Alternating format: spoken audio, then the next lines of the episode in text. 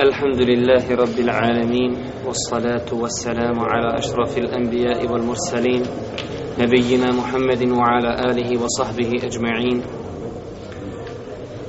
زي استسفاك زهو على قريبا دوزي شلوم الله سبحانه وتعالى دونسيم الصلاة والسلام نال الله بسانيك محمد عليه الصلاة والسلام نقوم بوردس جسني أصحابي سيوني كوي سليدنا فوتو استيني دسود نيغدان Braću moja draga, ovo je naše četvrto druženje u kojem govorimo, komentarišemo knjigu imama El Buharije Edebul Mufred. Oni koji su redovno prisustovali znaju da smo u prvom predavanju govorili o samom imamu Buharije, njegovoj biografiji, njegovom trudu kojeg je uložio u radu za Allahu te barakva ta'ala vjeru. Govorili smo o njegove inteligencije, govorili smo na kraj krajeva u tim nekim osobinama koje bi trebao da ima pri sebi čovjek koji krene putem velikana i koji želi u svome životu da postane insan od kojeg će umet imati koristi.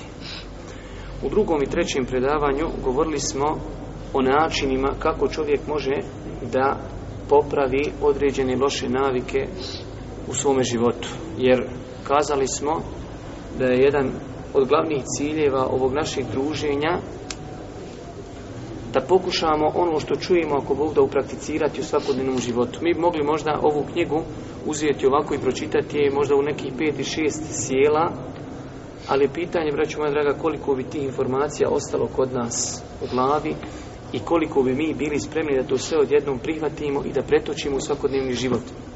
Znači, od nas se traži da ako Bog da, naravno što oni koji budu dolazili redovno, sami sebe korigujemo, gledamo šta je od onoga što imamo u svakodnevnom životu u skladu sa onome što je bila praksa Allahov poslanika, alaihi salatu wasalam.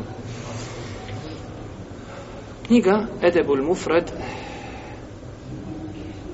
dijelo imama Buhari, rahmetullahi alaihi, hvala uzvišnom Allahu, prevedeno na naš bosanski jezik, iako velik broj ljudi ne poznaje da imam Buharija, ima neke drugih dijela, imam Buharija, je imao više dijela, ne samo onaj sahih, njegov vjerodostojnu zbirku hadisa. Jedna od tih dijela, jedna od tih dijela koji je napisao jeste i ova knjiga Edebul Mufred.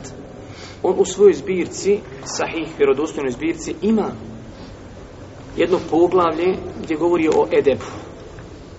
Ali to poglavlje znatno manje i puno manje nego ova knjiga i velik broj hadisa koji tamo možete naći, možete i naći ovdje, ali ova knjiga, pošto imam Buhari, rahmetullah i alihi, u ovoj knjizi nije postavio uvjete kao što je postavio u svome sahihu, zato je, znači, ova knjiga mnogo veća, mnogo opširnija, iako vidjet ćemo, znači, u ovoj knjizi se nalazi određen broj bajiv i slabih hadisa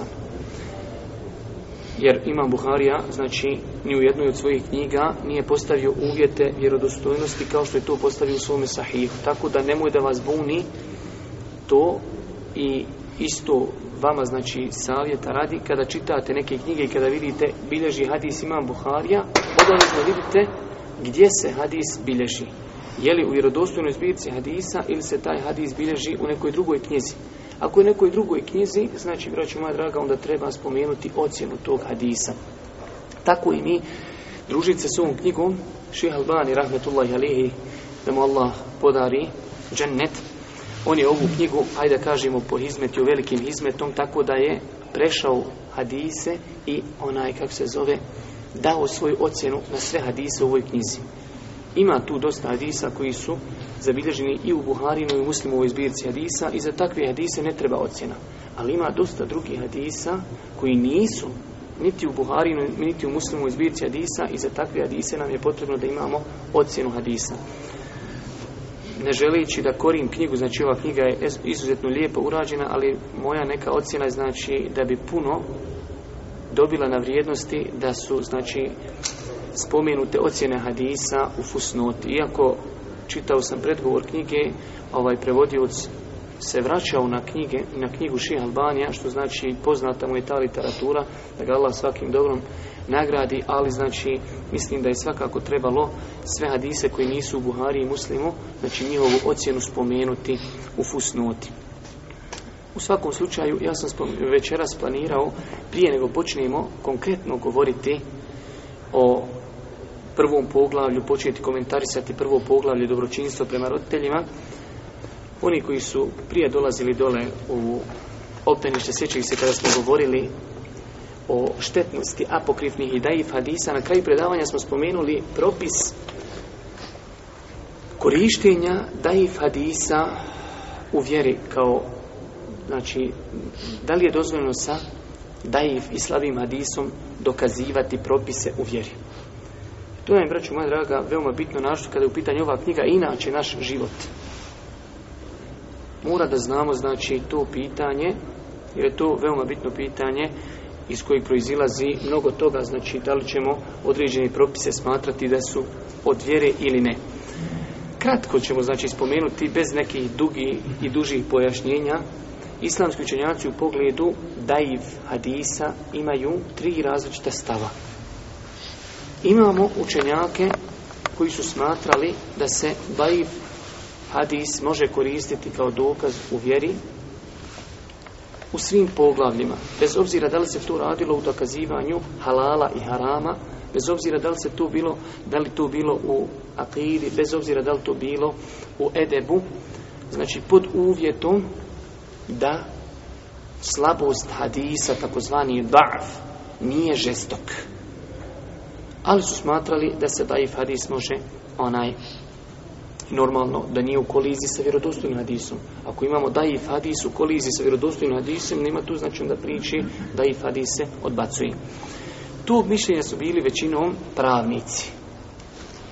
I zato ćete dosta puta naći ako malo u tim nekim raspravama, hadijski učenjaci prigovaraju fikskim učenjacima da su izuzetno tolerantni u pogledu korištenja daif hadisa, tako da ćete nekada naći hadijski učenjake da dobro zamjeri fikskim učenjacima zašto su određen hadis uzeli i radi po njemu kada on nije sahih.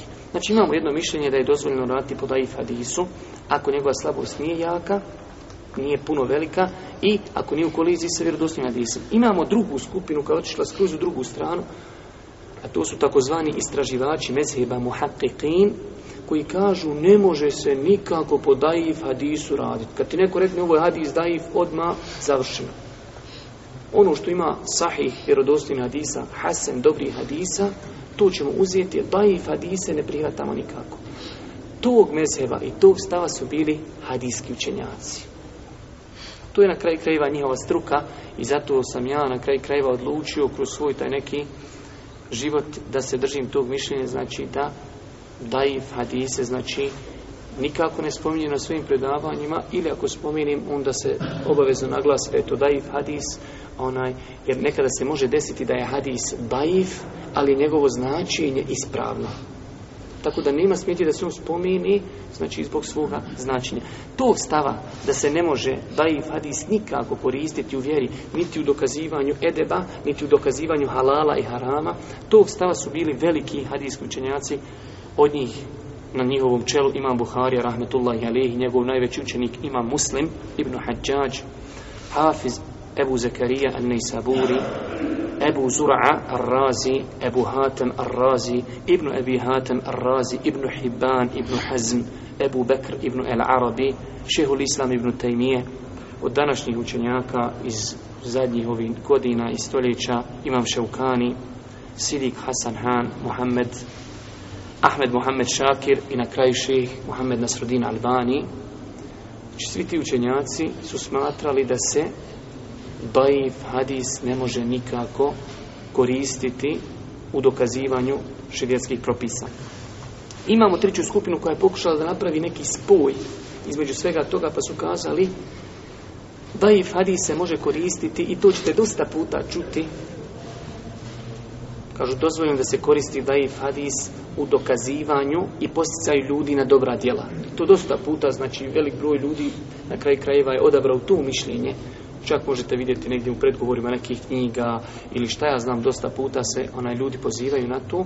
Normalno, to je njihovo pravo da odaberu to mišljenje, da znači daif hadis može se koristiti da bi ljude postakao na dobro djelo ali ne možeš znači kak se zove u određivanju halala harama znači u tim stvarima se daif hadis ne može koristiti normalno oni su opet da bi se daif hadis koristio u pozivanju ljudi u dobra djela postavili pet uvjeta koji su toliko teški da je jedva znači hadijski učenjaci mogu onaj svati te onaj e, šarte jesu li se ispunili nisu a kamoli za opće mase zato i prvi učenjaci koji su rekli da se daif hadis može koristiti po dva uvjeta, rekli su da daif hadis nije žestoko daif.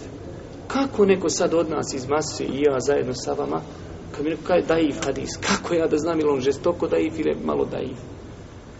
Znači, ova mišljenja dva su teška za praksu.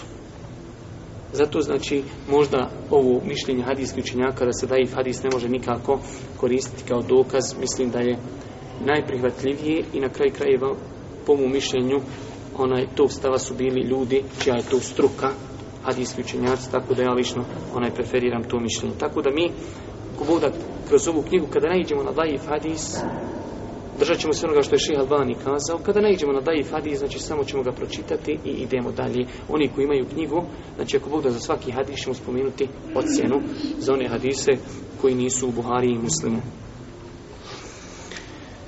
Imam Buhari, rahmetullahi alihi, ovu knjigu počinje sa ajetom iz sure El Ankebut, osmi ajet. Ovo sajne l'insane bi walidehi husna.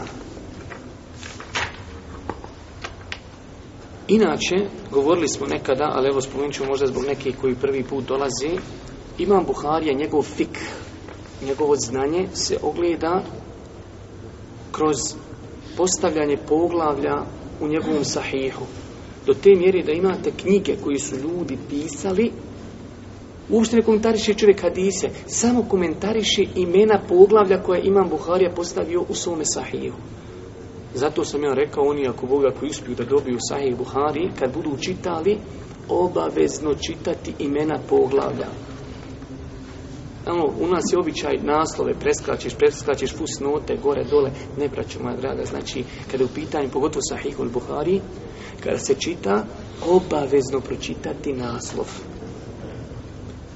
Znači, ljudi su svatili jačinu njegovog znanja kroz njegove naslove u njegovoj zbirci. Do te mjeri znači da su posebna dijela pisali samo komentarišući naslove. I dosta puta on sam iskazuje mišljenje koje preferira kroz naslov. Dosta puta.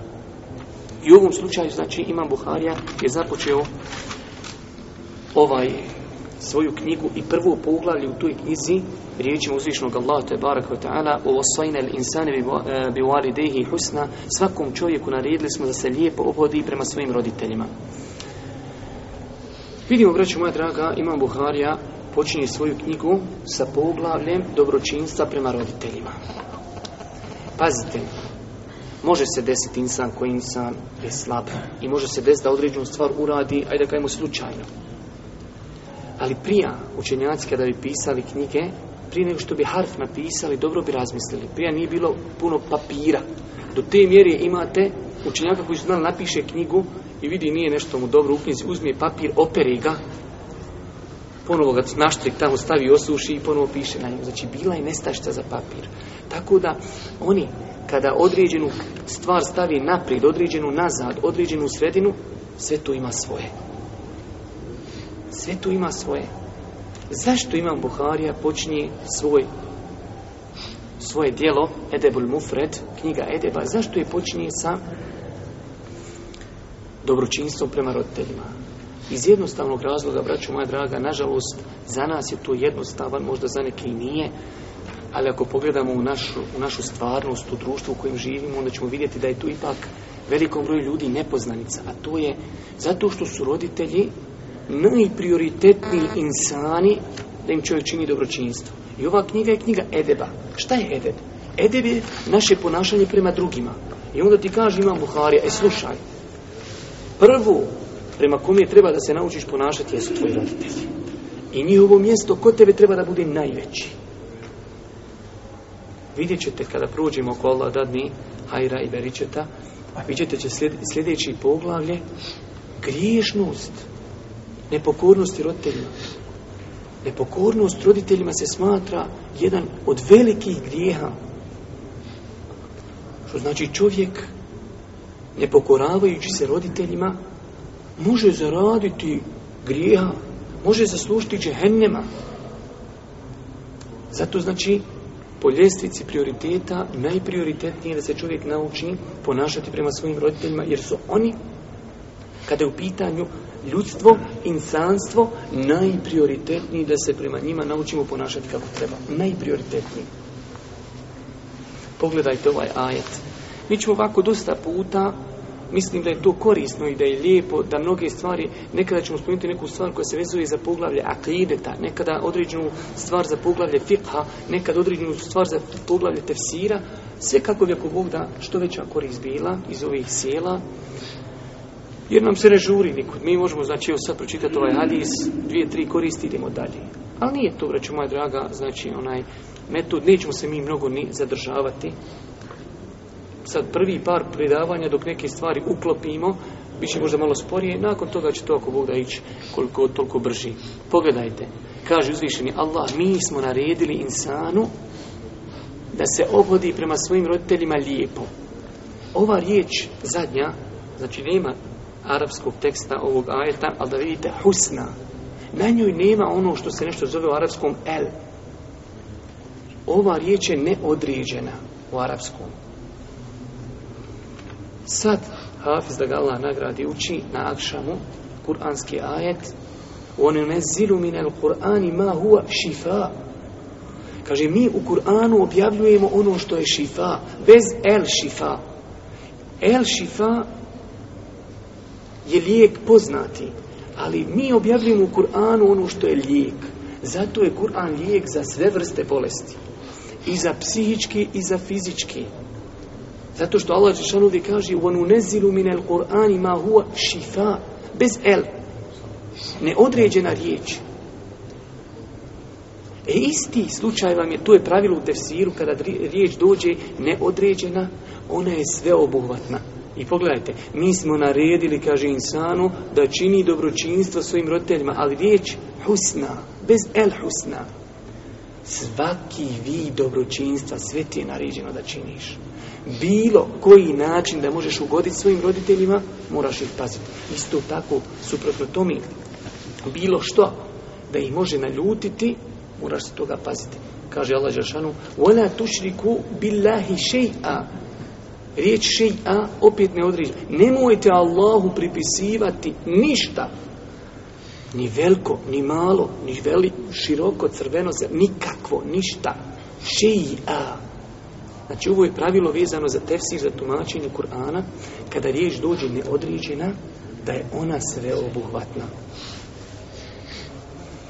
Ako pogledamo, braću moja draga, u Kur'an, ja sam namjerno pripremio još dva ajeta koja su i kako interesantna, vezana za ovu tematiku našu, jer imam Buhari, rahmetullahi alihi, nije imao cilj svojom knjigom da obuhvati sve ajete koji govori o dobročinjstvu, niti sve hadise koji govori o dobročinjstvu prema roditeljima ili u drugom ada. Bitno je, znači, on će spomenuti određene hadise, mi ćemo neke, inšala, dodati, neke protumačiti. Ovaj ajet, znači, njegov kraj, znači, u suri, Ankebut, osmi ajet, mi smo naredili insanu da čini dobročinstvo svojim roditeljima. Wa in jahadaka li tushrika bi ma laysa laka bihi ilmun fala tuti'huma. A ako te tvoji roditelji budu nagovarali da činiš gospodaru širk, nemoj im se pokoriti. Velik broj mu fesira u Kur'anu navodi kao razlog objave ajeta ovog događaj Sad ibn Ebi Waqasa radijallahu ta'ala koji vama svima inša Allah poznat Kada je on primio islam, pogledajte kako šetan ne da mira. Njegova mati, znači ja tu sad parafraziram, nakon da malo samo to približimo, kaže njemu, ti si primio taj islam neki, jesam. Pa vaš taj poslanik, on pripovjeda i poziva da se bude dobro prema majici. Jesam. E, kaže, ja tebe pozivam da ostaviš islam, pokori mi se. Pogledaj ti kako šeta neće da ostavi neprijatelje. Doće on, ne, kroz nekoga će on progovoriti. Pa je on poznata, ona njegova predaja, znači, da je ona rekla, ja neću ništa jesti, dok ti ne ostaviš svoju vjeru. Pa jedan dan, pa dva dana, pa tri dana, pa počela padati unesvijest i onda on njoj kaže mu poznatu svoju izjavu, iako znači ja sam pokušao naći izvedbu te njegove izjave, znači zaista teško, znači vjerodostojna je predaja, da je ovaj ajet objavljen njegovim povodom. Ali ovo kada je on njoj rekao, kaže majka, kada bi imala stotinu duša i sve ti jedna po jedna polako ispadale od gladi, ja neću ostati vjeru. Ulije te pošnijest. Kad je ona videla koliko je sati, ili ovaj se stvarno ne šali, ja imam sam jednu dušu, umrću, on se neće ostaviti toga. Pa je počela jesti. U ovom ajetu samo Allah Đelšanu kaže, ako te budu pozivali da meni činiš širk, nemoj im se pokoriti. Samo to. A imamo drugi ajet kojim Allah Đelešanu kaže ajet isto naredili smo insanu da čini dobročinjstvo svojim roditeljima hameletu umuhu vehnen ala vehn njegova majka ga nosi s teškoćom pogledajte kako Allah Đelešanu sve to s ciljem napominjete, napominjete pa uzmi ti danas da ti neko stavi na leđa samo jednu kilu da nosaš Gdje god bi došlo, a jes mi, brate, dosadilo, šta je ovo na meni, da ljudi s kim te, muha ti čovječ stani na glavu, ti mašiš, ne daš joj na glavu. A majka te u prvu nosa. Ti misliš da to nema nikakve zdravstvene posljedice? Ima. Vahne nala, vahne. Njeno zdravlje trpi. Allah Žešan te napominje kad učiš te ajete da razmisliš zbog toga je njeno pravo kod tebe veliko zato što je te nosila u stomaku svome čoveče kaže ofisaluhu fi anaini dvije godine te hrani to je sad duga priča kako naše žene hrani djecu i ne hrani čuvajući svoje grudi tamo donese onoga lide i kako se već zovu ne znam nija nune jedno djete odma od malena ko onaj kako se zove stiropor napuhano nikako razboljiva se non stop Allah Đelšanu je stvorio insana i stvorio je znači da žena može na prirodan način raniti svoje dijete. Ali eto, ugledajući se u zapad i sve ono što ne velja na zapadu, mi smo i tu se onaj pokorili. Pa nastavlja uzvišnja Allah subhanahu wa ta'ala kaže Aniškur li voli varideke ili jel masir Zahvaljujte, kaže, meni i svojim roditeljima i onda baš ono isto. Wa in džahedake, ako te budu nagovarali da meni pripisuješ nekoga, o kome nemaš znanja, nemoj im se pokoriti. U redu. I šta kaže? O sahibu huma fi dunja ma'rufa, a još na dunjalu ko se prema njima lijepo ponašaju. Pazi, kjafiri, oni ne samo da su kjafiri, već oni tebe pozivaju. E, ajde čim ti šit s nama, ajmo u crkvu. Opi, ne smiješ se, kaže, nemoj im se pokoriti, ali moraš čim dobročinstvo. To nema ljudi nigdje osim u islamu. Takva tolerancija. Zbog čega? Zbog prava roditelja koje ima kod tebe. Insansko pravo. Ne vjersko. Insansko. On nevjernik. I poziva tebe da, da budeš nevjernik. Opet kaže ovo sahibhuma fitunja ma'rufa. Opet I na dunjalku se prema njima lijepo podi opet ma'rufa, neodređena riječ. Lijepo, u svakom pogledu lijepo. I zato pokornost, kao što će doći poslije ako Bog da, pokornost roditeljima je samo uvjetovanja, znači da to bude halal. Sve što ti roditelj kaže, ti kaže, e ovdje ima pekara 100 metara, blizu, e ima druga 800, hoću najdole hljeb da mi kupiš. Ne smiješ, ne, ne smiješ reći, uh, do leći. Ali da ti kaže, aj kupi drinu, tu je već drugo. Kaže, kupi litar štoka, tu je već drugo. Ali dok ti naređuje nešto što je halal, ne smiješ reći uh. Rekneš uh, griješan si. Jer Allah žel što kaže, nemoj im reći uh. Sam kaže, kaže babo, idi kupi, ti kažeš, gotovo. Već problem. Tu je, braću moja draga, deređa, menzila, stepen koji Allah te barko je ta'ala dao roditeljima. I treći ajet, poznat ajet u suri Al-Isra, svima nama poznat kada Allah Đeršanu kaže وَقَضَا رَبُّكَ أَلَّا تَعْبُدُ إِلَّا إِيَّا Allah subhanu wa ta'ala naređuje da ne obožajte nikog osim njega. أَلَّا تَعْبُدُ إِلَّا إِيَّا وَبِلْ وَالِدَيْنِ إِحْسَنَ i roditeljima svojim da činite dobročinstvo. I onda opet ide ono napominjanje blagodati. Pa kaže uzvišnji Allah subhanu wa ta'ala Ima je blugane inde kel kibar. Ako kaže neko od njih dvoje, kod tebe doživi starost. Pas dvije stvari. Kod tebe. Nije u staračkom domu. A, a, kod tebe. Kod tebe, kod tebe, kod tvoje kuće. Kod tebe ako doživi starost. Šta doživi? Starost. Zašto baš starost? Zato što u starosti je potrebna pomoć. Pomoć. I babo i mama dok su mladi, neće on tebe plaho zvat. Ali kad padni, ko će? Neće niko. Ali ti moraš. Ti moraš. A to ti je insanska obaveza. Zato kaže, ako jedno od njih dvoje ko, ko tebe, ili jedno ili oboje, dožive starost. Fela tekul lehuma uf. Nemoj da im rekliš uh. Ne smiješ reći uh. ولا تنهرهما وقل لهم قولا كريما i obraćajim se riječima nježnim, lijepim, blagim pa nastavlja uzvišen Allah subhanahu wa ta'ala pa kaže وَخْفِدْ لَهُمَا جَنَّهَا ذُلِّ مِنَ الرَّحْمَةِ وَكُرْ رَبِّ رَحَمْهُمَا كَمَا رَبَّيَانِ صَغِيرَ lijepo se prema njima ponašaj dovu Allahu pučuj za njih kaže gospodaru smiluj se njima kao što su oni mene odgajali kada sam bio mal opet se blagodat vraća da se sjetiš Ej, pa ja sam bio mali. Ko je mene najveće pokrivao? I fino je da čovjek malo, da ga Allah poživi i počasti, ali mnogi od nas ne počasti, onaj,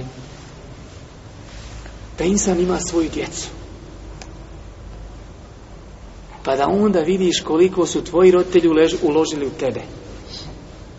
Allah, tu je vjerovatno praksa svakog od vas. Ja ustanim svaki dan na sabah, kad ustanim, abdestim oću džamiju, prvo gdje odim, odim u sobu da pogledam sva djeca pokrivena. Tako su radili moji roditelji sa mnom, ali ja to ne znam. Ali znam sad. Ali velik broj ljudi ne doživi tu mogućnost. Dok on zaimadne djecu, roditelji odu. A to Allah Izašan ovdje napominje. Gospodaru, smiluj se njima kao što su se oni meni smilo kad sam bio mali. Zato, vraću moja draga, znači pravo roditelja je veliko pravo. U svakom slučaju, mi se nećemo tu mnogo zadržavati, počinjemo sa ovaj našim hadisom.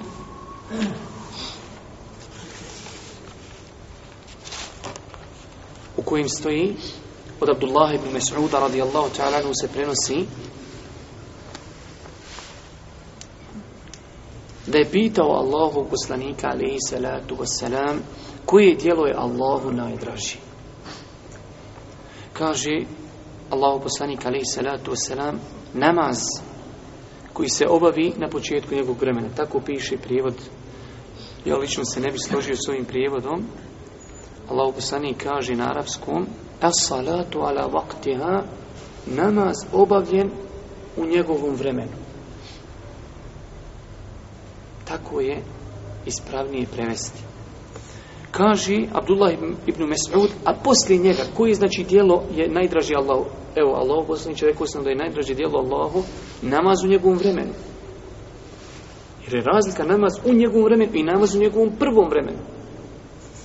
Pa kaže Allah poslanik, birru l'walidin, dobročinstvo roditeljima. A koji nakon toga kaže borba na Allahovom putu? Pa kaže Abdullah ibn Mesud, ove stvari koje ja vama sad prenosim, to je meni rekao Allah poslanik. I da sam ga ja još pitao, on bi mi još odgovarao. Reću, moja draga, ovaj hadis, znači bile že imam Buharija i Muslim, i tako da onaj, neću mu se uopšte osvrtati dalje na njegovu izvedbu.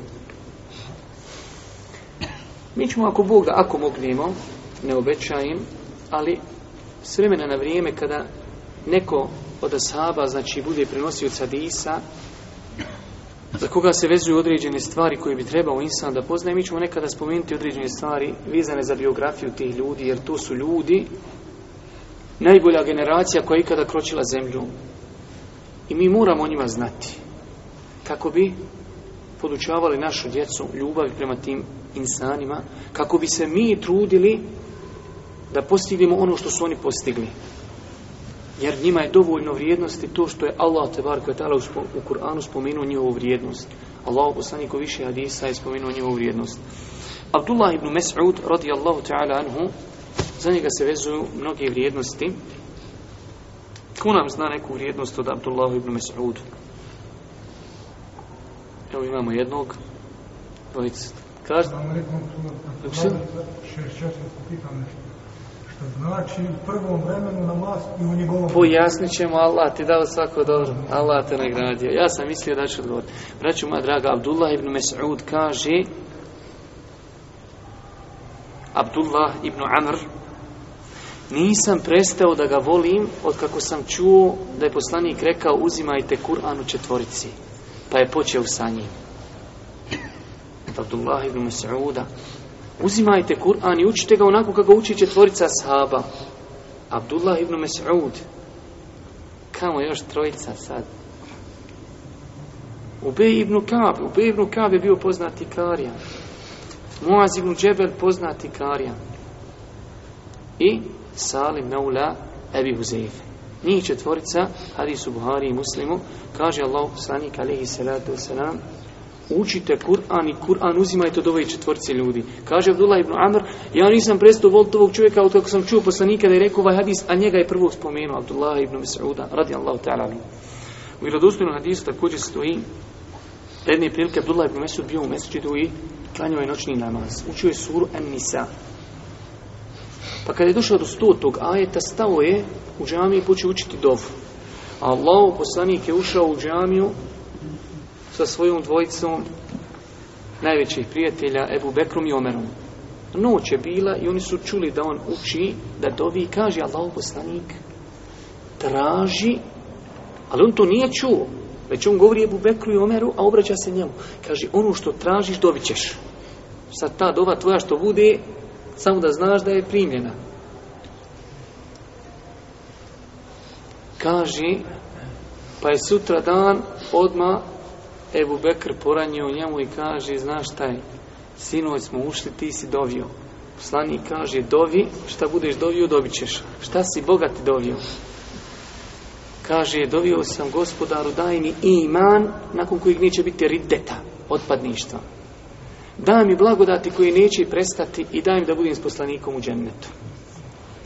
Kaže Ebu Bekr, dok je izišao, eto ti Omera, došao i Omer da mu kaže, Kaže Omer, okasnio si, došao je već Ebu Bekr. Kaže, Allah se smilo ovo Ebu Bekru, kaže, nikad se nismo natjecali u nečemu, a da me nije pobjedio. Ovo je znači vjerodostojna predaja. Također, braću moja draga, Abdullah ibn Mes'ud, radijallahu ta'ala anhu, opće poznata stvar je, i zato me iznenadlo da malo poznajete o njemu, da je to bio veliki alim, poznavao od Kur'ana. On kaže za sebe, Ne postoji sura da ne znam gdje je objavljena. Ne postoji ajeta da ne znam povodom koga je objavljen. A tako mi Allaha da postoji čovjek koji zna više u Kur'anu od mene i da mu se može doći s jahalcom, ja bi još utrašao od njega znanje. Toliko učen, toliko znan i nije se mogu zasititi. Se navrlo. A mi imamo znanje, ne mislim tako mi Allah na ovo ovdje što se sad večeras drži, ali imate priliku, onaj, mnogo veći učenjaci da sjede i da pričaju i da govori. Ljudi hodaju, možda sjede tamo neđe u Bini, piju kafe, sjede pred džamijom, kao da im to znanje nije potrebno. Pogledajte Abdullah ibn Mas'uda, zato Arapi kažu, La ja'rifu l-fadle li ahli l-fadli illa ahli l-fadli. Vrijednost velikana ne zna niko osim velikani. Vrijednost znanja zna učen čovjek. Tako da, braću moja draga, ovo je velika poruka nama. On sam kaže za sebe, kaže, tako mi Allaha, uzeo sam iz usta Allahog poslanika 70 sura iz usta, direktno, bez pisanja, bez čitanja. I kaže, a sahabi svi znaju da sam ja najučeniji čovjek u Kur'an, ali kaže, ne kažem da sam najbolji, ali svi znaju da sam ja, kaže, najučeniji u pogledu Kur'ana. Ebu Musa je lešar i kaže, ja sam došao sa svojim bratom iz Jemena, pa smo osjeli u Medini jedan duži period, ali kaže, to vrijeme mi smo smatrali da je Abdullah ibn Mesud iz Božje poslanikove porodice. On je, kaže, ulazio, izlazio iz njegove kuće kad je htio, kad drugi nisu mogli ući, on je ulazio. Mi smo kaj smatrali da on njegova poroca pa ulazi, izlazi kad hoće. I zadnja stvar, ovo ste morali znati. Allah da oprosti svima koji ne znaju. Abdullah ibn Mes'ud jedne prilike se popeo na drvo da dohvati misvak Allahom poslaniku. A bio je mršav pa je vjetar zaljuljao granu na kojom bio, znači, pa su se otkrile njegove potkoljenice, pa sahabi kada su ugledali te njegove mršave i potkoljenice, počeli se smijat. Kaže Allah, poslanik Ali Isatu sam, zašto se smijete? Kažu, zbog tankoći njegovih potkoljenica. Kaže, tako mi Allaha, one su na sudnjem danu na mizanu teže od brda Uhud. Tu je, braćo moja draga, Abdullah ibn Mes'ud, koji nam prenosi ovaj hadis. Pogledajte ovdje, kaže na arapskom, se eltu nebije, pitu sam poslanika. Nije čekao hadis da dođi, već pitao. I pitanje, braću moja draga, jedna metoda učenja. Ali opet u granici. Jer ste vidjeli na kraju hadisa gdje on kaže, a da sam ga pitao, još još bi mi dao. Ali imate vjerodostanje, rivajet kaže, ali nisam htio da pretjerujem, žao mi je bilo poslanika. Pogledaj, samo tri pitanja postoji, to sve poje odgovor je riječ, ili dvije. Koji je najbolje djelo? Namaz. Nakon toga, dobročinstvo roditeljima, nakon toga, borba na lavom putu. Kaže, nisam htio više pitati. Zato Ibnu Abbas, i znate ko je bio Ibnu Abbas, i o njemu ćemo ako Bog da nekada govoriti, Turđumanul Kur'an, za kojeg je Boži poslanik uputio dovu Allah, to je bar ko je da ga podući tefsiru Kur'ana i razumijevanju vjeri. Kažu njemu, kako si ti postigo to sad, sve što ti imaš? Kako si to postigo? Kaže, bili sanin se ulin wa kalbin akul. Sa jezikom koji je pito, se ul. Puno pito, gdje ko šta vidi pita, što, kako, gdje, zašto, tam. I kaže, bi kalbin akul i srcem koje je to razumijevalo, svatalo, prihvatalo, učilo. To su temelji, braću madraga, da čovjek pita. Zato onaj ko se stidi, ostaće neznalca do kraja života. Čovjek ima, nešto ga muči. Vjerujte, ja znam, nedavno sam bio s jednim čovjekom starim, ali to on je već tu prevagnu, a neki će umrijeta neće. Kaže, meni imam stvari koje me muče već 30 i 40 godina. Kaže, pa eto, došlo je vrijeme da nekog i upitam. Pogledajte koliko je vremena trebalo da čovjek tu... A što misliš da je možda to u stvar koju mu pitu, možda bio haram, možda koji činio 40 godina? Znači, čovjek treba da pita, braćo moja draga. Također, pogledajte samo ashaabe i njihovu želju. Šta pita ovaj ashaab? Ejul a'mali ahabu ila Allah, koja su dijela najdraža Allahu? Pita on. Zašto pita? Zašto pita? dečki, nema se vrtiti ovdje. Mora se sjedi šuti da muha kad proleti, da je vidimo. A ne možemo i čuti. E, pogledajte njegovi želje za znanjem. Pogledajte njegovi želje za postizanjem Allahovi, Allahovog zadovoljstva. Dolazi i poslaniku i oni su znali da se Allahovo zadovoljstvo postiže dijelima. Kod nas dođe čovjek kaže, ja sam bolji od svi oni što su u džamiji. Nikad ne ide u džamiju. Čije si ti bolji? Što je duži jezik? Pog se po tome mjeri i čovječe perova, znači je... I koja je no, životinja ima najduži jezik? Neki dan sam to čuo. Žirafa, ne znam nija koja. Ha, žirafa je znači najveći musliman. E, ima tu ljudi tako na jeziku čovječe. Lako je na jeziku vika, ja sam dobar musliman. Gdje ti to nam malo potvrdi? Čime? U džamiju, na saba, na jaciju, na hađu post, zekijat, dobročinstvo roditeljima, da se to uvidimo, jesi dobar moj kin. Nemoj petljat, nemoj lagat, nemoj krasit. To se ogleda. A znači, samo jezik. I oni su to znali. Koja su dijela Allahu najdraža? Zašto? A da bi činio. I ovdje isto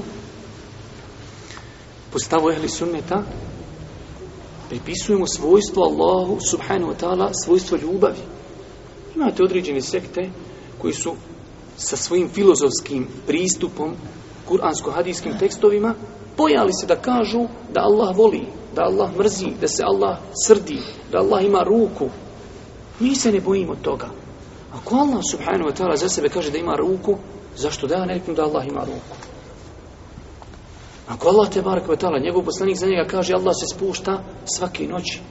Što se ja da bojim da kažem Boži poslanik, najjezgrovitiji insan koji je govorio najpismeniji insan u pogledu arapskog jezika kaže Allah subhanahu wa ta'ala svake noći se spušta na ovozemaljsko nebo i ja sad dođem filozofrem i kažem ne smijem ja to kazati to je poistovićijavanje insana i stvoritelja nima braću moja draga to nikakve logike Allah subhanahu wa ta'ala voli i mi treba da žudimo za dijelima koja Allah voli ne bili postigli njegovo zadovoljstvo i njegovu ljubav Allah isto mrzi i treba da bježimo od tih dijela.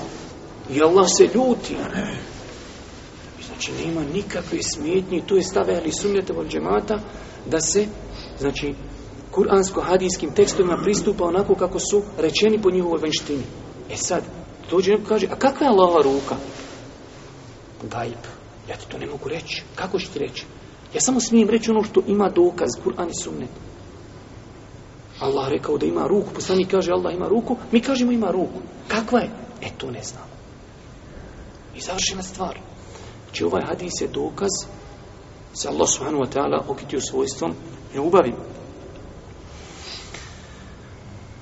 Također imamo jednu interesantnu stvar. Sjećate se kad smo govorili o ahlaku, kad smo govorili drugi onaj ders popravljanje loših osobina, pa smo rekli Allahu poslanik, kao najsavršenija osoba koja ikada kročila zemlju, šta? Moli Allaha te barake ve ta'ala da popravi njegov ahlak, njegov moral. Kema ahsente halqi fe hasin huluqi kako si mene stvorio u lijepom, vanš, lijepoj vanštini, tako mi ulepšaj moj ahlak. Poslanik to dovio. E isto tako Allah poslanik je molio Allah da mu podari svoju ljubav. Allah tvar kvatala podari svoju ljubav. Hadis koji izbiliži imam tirmizi, a imam tirmizi je čiji učenik? Imama Buharije, blago se njem, on kaže, pitao sam imama, on zato kad imate, oni koji kupuju tirmizinu zbirku hadisa, imate skoro nakon svakog hadisa neki govor imama tirmizi. Dosta puta ćete naći, pitao sam Mohameda, to je Muhammed ibn Ismail Buhari. Kad god kaže, on pitao sam Muhammeda o ovom hadisu, Muhammed je imam Buharija. I on kaže o ovom hadisu, gdje kaže se da je Boži poslanik molio Allah tabaraka ta'ala za ljubav. Kaže, pitao sam Muhammed ibn Ismaila o ovom hadisu, pa je rekao Hasanun sahih, vjerodosan hadis. Kaže se da je Allah poslanik učio dovu, Allahumma inni es'eluke hubbek. O gospodaru, ja tražim i molim te za tvoju ljubav. Wa hubbe men juhibbuk. I ljubav onoga ko tebe voli. Tražim od tebe da mi pokloniš svoju ljubav, da me zavoliš.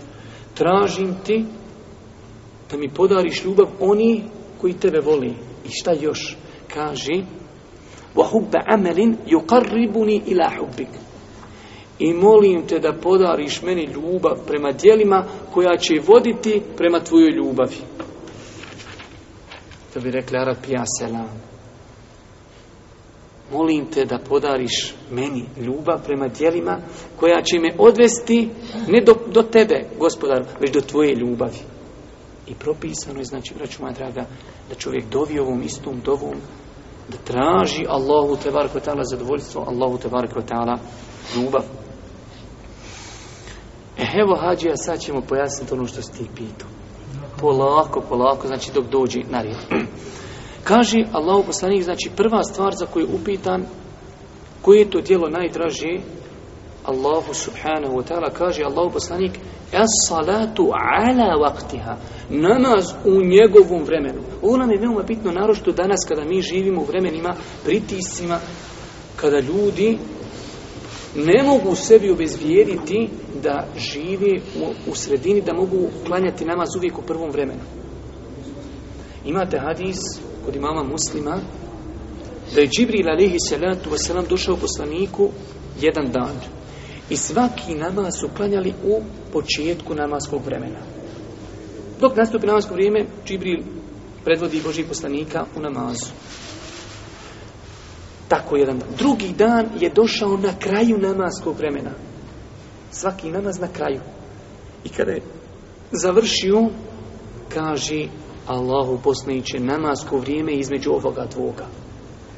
Zato, braću moja draga, ondje gdje je vjera ostavila širinu, ne treba ljudima sužavat. Ko čovjek kaže, ja radim u firmi. U dva sata izlazim iz firme i dolazim kući u pola tri. Mogu li ikako da dođem kući, a povodnje počinjem u jedan? Mogu li kad dođem kući fino da se raspravim i da li se im klanjam? Ma može. Što neće moći? Nema smetnje mi ćemo kazati šta je bolji, ali pitanje je li dozvoljeno. Jer nemojte zaboraviti onu činjenicu koju danas Efendija spomenu na hudbi. Boži poslanik nikada nije birao između dvije halal stvari da nije odabrao lakšu. Nemoj da neko smatra da je to popuštanje uvjeri. Ja ne znam otkud nama ona fiks ideja, dajte nama sve ono najčešće. Neke čvrsto lupiš ako mas to, nek se zna. To nije sunnet, da znate. Slobodno uzmaj šta hoćeš najčvršći. Nije to sunnet.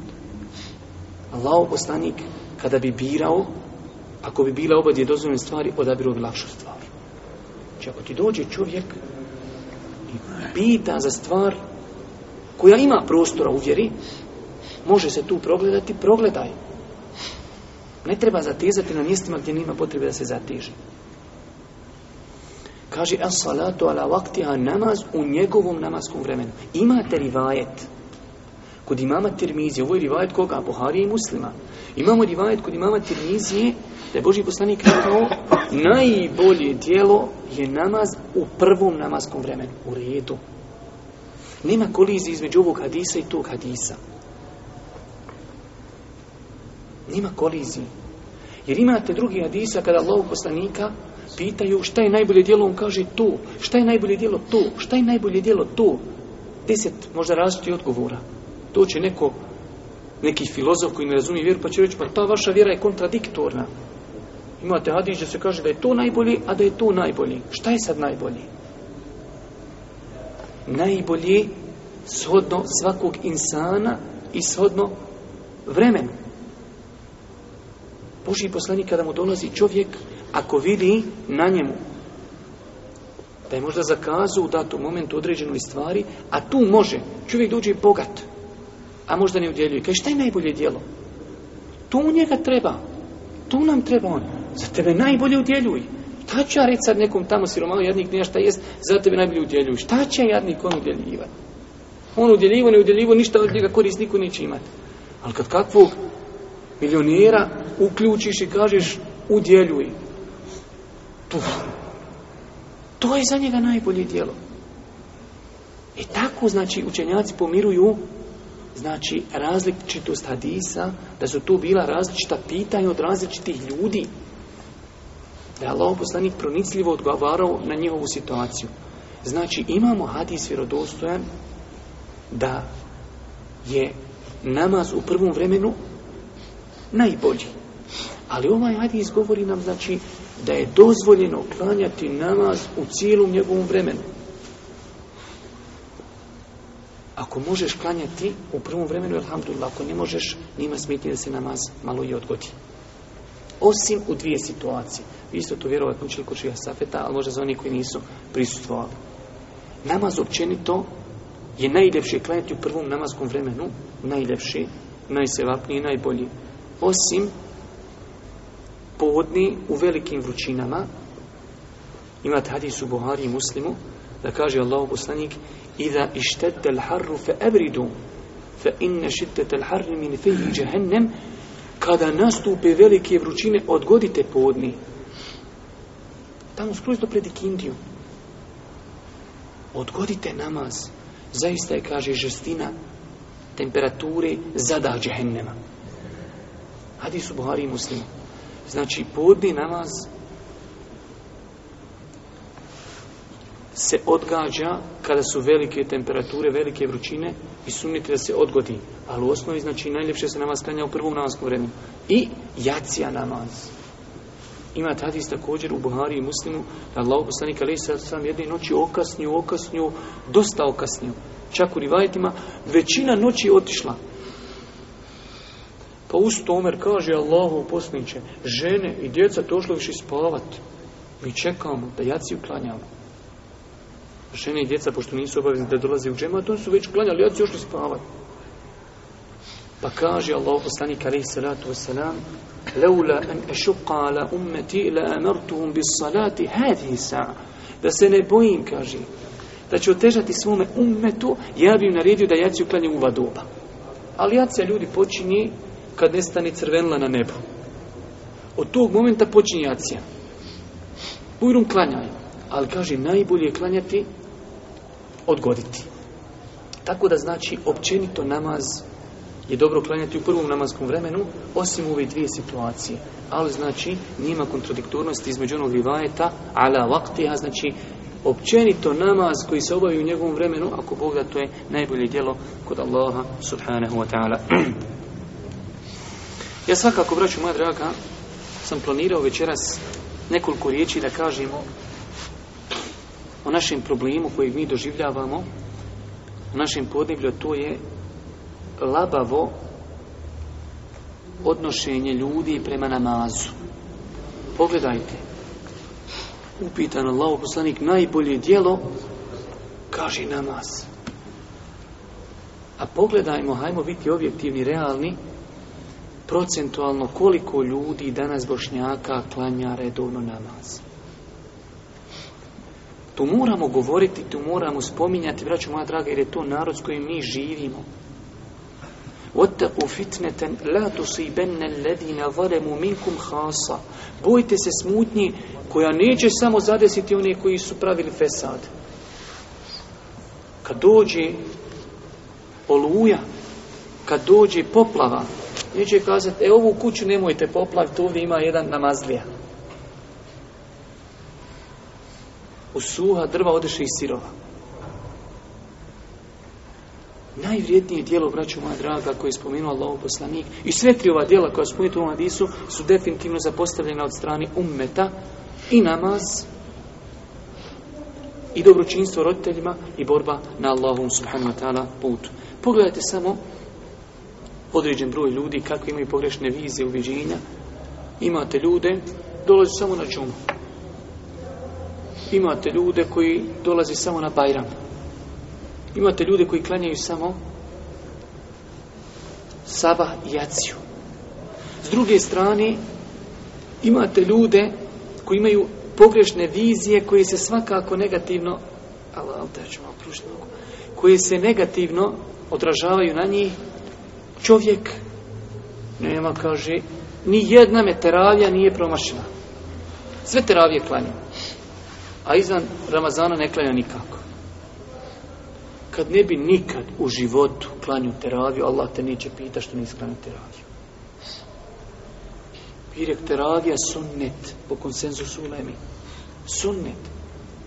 Ako klanjaš, ilhamdulillah, sevap. Ne klanjaš, nećeš biti pitan ali jedan namaz ako ne klanjaš valja podnijeti žestoke račune za to ili šta se dešava umro neki radni kolega i dođe mu radni kolega na dženazu i čeka da ljudi iziđu iz džamije i onda se imam bajagi priključi klanja dženazu a nije klanjao i kindiju pošto kod nas većinom i kindije ili poslije podne ili kindije se klanja dženazu klanja dženazu je kolegijalna obaveza bilo ko da klanja, ti više nisi griješan.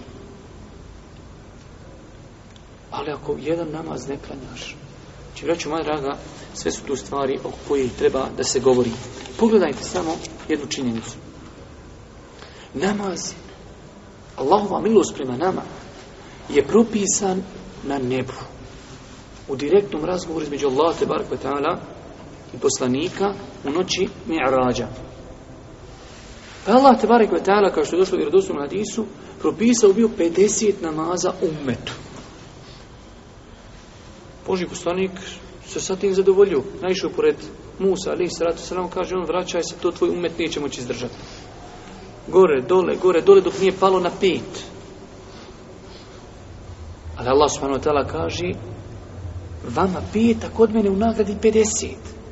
Ali zamislite da je ostalo 50 kad 98% umeta bosanskog ne klanja pet vakata. Šta bi da se treba 50 klanja? Ko bi klanio? Allahu, rahmet i milost je da je pet, a 50 znači u nagradi.